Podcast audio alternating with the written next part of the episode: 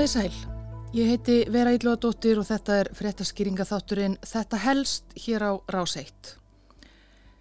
Í dag ætla ég að fjalla um ansi metnaðarfull áform sem sagt var frá á dögunum, samstagsverkefni vísindamanna frá Ástralíu og Bandaríkunum um að vekja útdöytt dýr upp frá döðum með hjálp nýjustu erðatækni. Við höfum heyrt af tilraunum til þess að endurvekja loðfílin af og til á síðustu árum en nú er röðin komin að annari skeppnu sem er ekki alveg jafn forn. Ástralska rán pokadýrið Tasmaníu tígurinn dó út árið 1936 eða svo telja flestir, kannski ekki alveg allir. En gangi áform vísindamannana eftir mun tígurinn læðast um skólendi Ástralíu að nýju innan einhverja ára.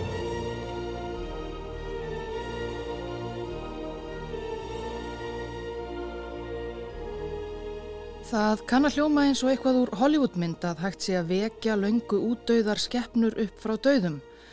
Það verður líka að teljast nokkuð ólíklegt að framtíðar sín júragarðsmyndana rætist einhver daginn og grameðlur muni aftur trampa um yfir borðjarðar.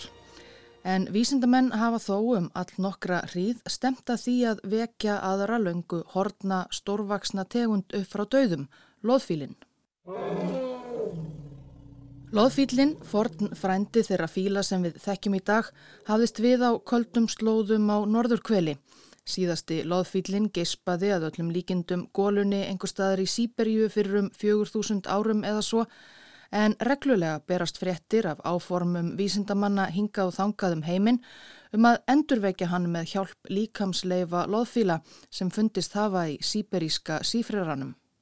Vísindamenn við Harvard háskóla eru við það að vekja til lífsins loðfíla hérna útdauðu mammúta. Þeir séast geta búið til fósturvísi með genum úr fíl og loðfíl innan tveggja ára. Þetta var ingangur að frétt frá 2017. Engin loðfíl hefur enn litið dagsins ljós þó tvö ár séu liðin frá þessu. En í september í fyrra saði Broti Brotason enn eina loðfílafréttina í hátdegisfréttum útvarps. Líftækni fyrirtækið Kolossal í samstarfi við erðavísindamenn úr Harvard háskóla ætla að freysta þess að endurvekja loðfíla. Fyrirtæki þetta Kolossal var stopnað síðasta haust. Annar tvekja stopnenda er professor í erðafræði við Harvard háskóla George Church. Hann hefur lengi dreymt um að vekja loðfílin upp af mörg þúsund ára dvala sínum og fór fyrst yfir hugmyndir sínar þess efnis í viðtali við New York Times árið 2008. Síðustu ár hefur Church unnið mikið með henni byltingarkentu nýju erðatækni CRISPR sem gerir vísindamönnum kleift að gera breytingar á erðaefni lífvera, tækni sem hlaut Nobelsverlunin í efnafræði árið 2020. Þá tækni hyggst hann nýta sér til að tengja saman erðaefni úr loðfílum við erðaefni úr frændum þeirra asjufílunum og búa þannig til eins konar blending sem síðan geti fengið að vafra um gömul heimkynni loðfílsins. Tæpu ári síðar er vinna kolossal með loðfílin líklega ekki komin langt á veg. Það hefur ekki spurst til neitna loðfíla kálfa á flakki um rannsóknarstofur fyrirtækisins í Dallas í Texas en, en markmið kolossal mun þó vera að endurvekja loðfílin fyrir árið 2027. Fyrir þessari viku bárust frettir af því að fyrirtækið beini nú sjónum sínum einnig að annari skeppnu sem kvarfaf yfirborði jarðar talsvert síðar en loðfýllin. Við heyrðum brotur ástralskri fræðslumynd frá 1964 um eitt lendardómsfylsta dýr Ástralíu fyrr og síðar, Tasmaníu tígurinn eða upp á latínu Thylacinus sinocephalus. Saga Tasmaníu tígursins í Ástralíu nær 2000 ára aftur í tíman og var tígurinn stærstur svo kallara ránpokadýra. Meðal tígur var á stærðu við vænan en grannvaksinn hund á bylinu 100 til 130 cm langur fullvaksta með 50 til 60 cm langar rófu, 60 cm á hæðiða svo og 20 til 30 kg að þyngd. Tígurinn var snökkarður með nokkrar tígrislega rendur aftast á bakinu og við rætur rófunar Rendurnar áttu hvað stærstan þátti því að dýrið var kallað tígur þrátt fyrir að á flestan annan hátt svipaði það frekar til dýrs af hundaætt, hunds eða úlfs. Líkt og tígristýr og úlvar á norðurkveli var Tasmaníutígurinn á toppi fæðukeðunar, stærsta rándýrið í Ástralju sem veitti smerri pokadýr sér til matar og það var fátt sengat ógnað stöðu hans. Eða allt þar til villihundarnir dingoar bárust til Ástralju einhver tíman fyrir um 10.000 árum. Dingoarnir keftu við tígurinn um sömu bráðina og sömu veiðilendur og í þeirri baráttu beigð tígurinn að lokum lægri hlut. Talið er að dingoarnir hafi átt hvað stærstan þátt í því að Tasmaníu tígurinn varð útdauður á meginlandi Ástralju fyrir eitthvað um 2000 árum. En dingoinn komst aldrei alla leið til eigarinnar Tasmaníu úti fyrir söðuströnd Ástralju sem eitt sinn var áföst meginlandinu. Svo þar livði tígurinn áfram ágætu lífi. Evrópumenn fóru svo að koma sér fyrir á Tasmaníu á ofanverðri átjónduöld. Tíkratnir voru næturdýr sem höfðust við í skóarþykni fjarrri mannabústöðum. Fyrstu árin urðu evróskir landnemar því ekki mikið við þá varir. Sáu kannski torkennileg spór eftir óþekta ferfætlinga á jörðu, heyrðu stöku dularfull gælt út úr skójinum að næturlægi.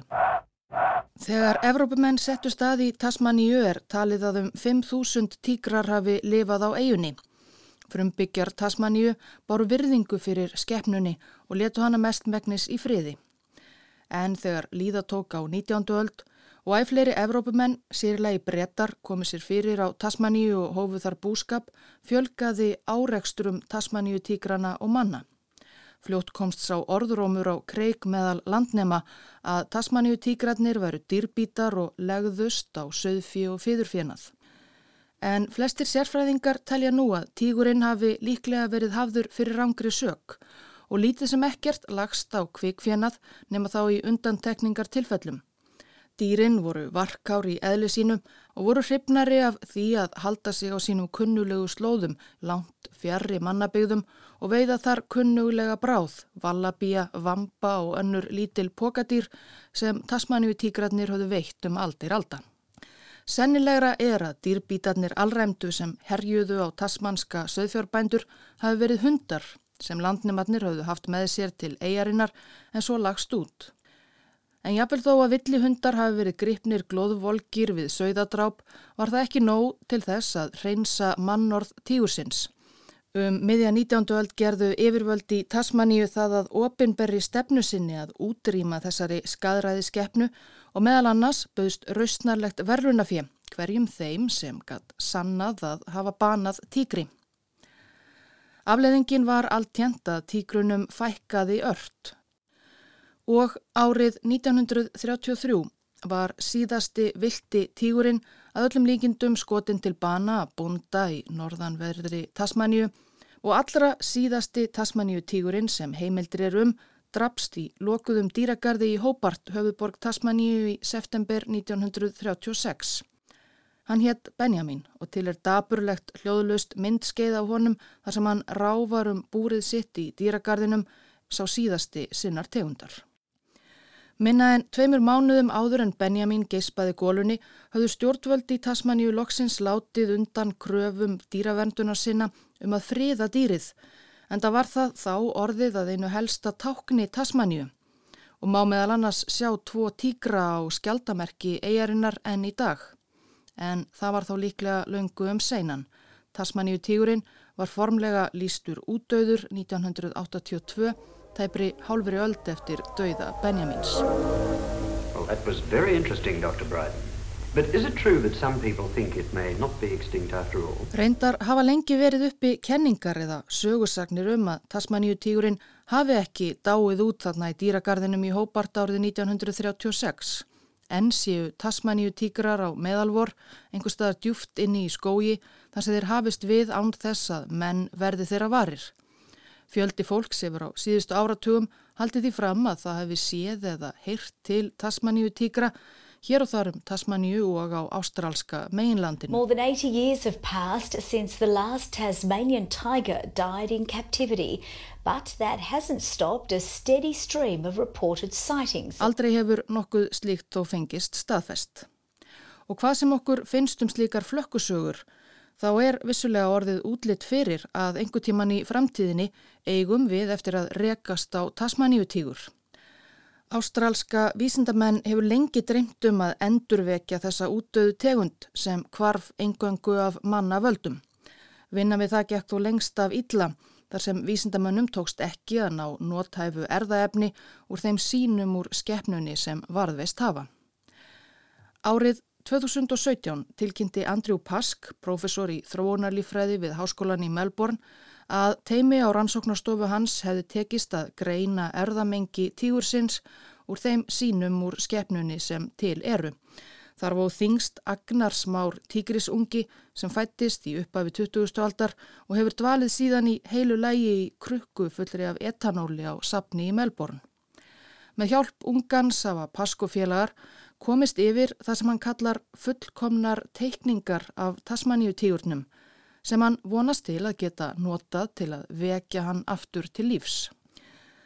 Fyrr á þessu ári fekk Pask umfangsmikinn fjárstyrk 5 miljónir ástrálskra dollara til þessa verkefnis og nú hefur verið tilkynnt um samstarfið Kolossal í bandaríkunum.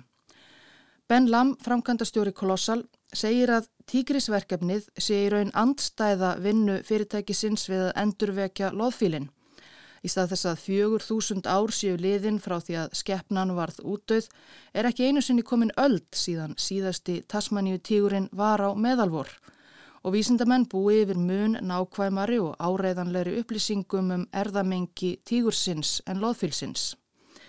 Því séu líkurnar á að hægt sé að endurvekja tígurinn í raun talsvert betri en þegar kemur að loðfylnum.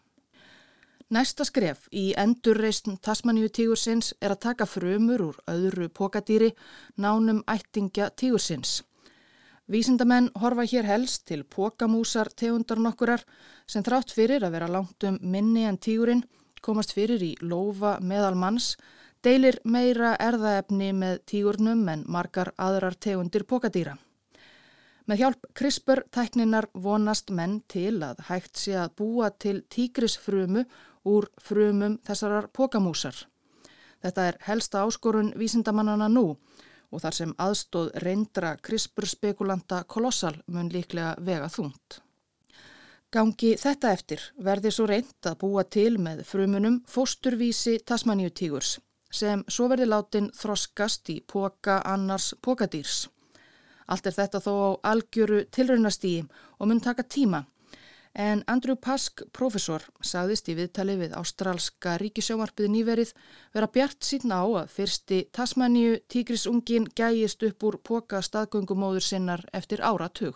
A time frame like a decade is really reasonable to think that we should be well on our way to having that first thylacine brought back. Pask gerir sér vonir um að skapa með þessum hætti margar skeppnur sem síðar verði sleft lausum í þeirra gömlu heimkinnum í Tasmaníu og jafnvel á meginlandi Ástralíu líka.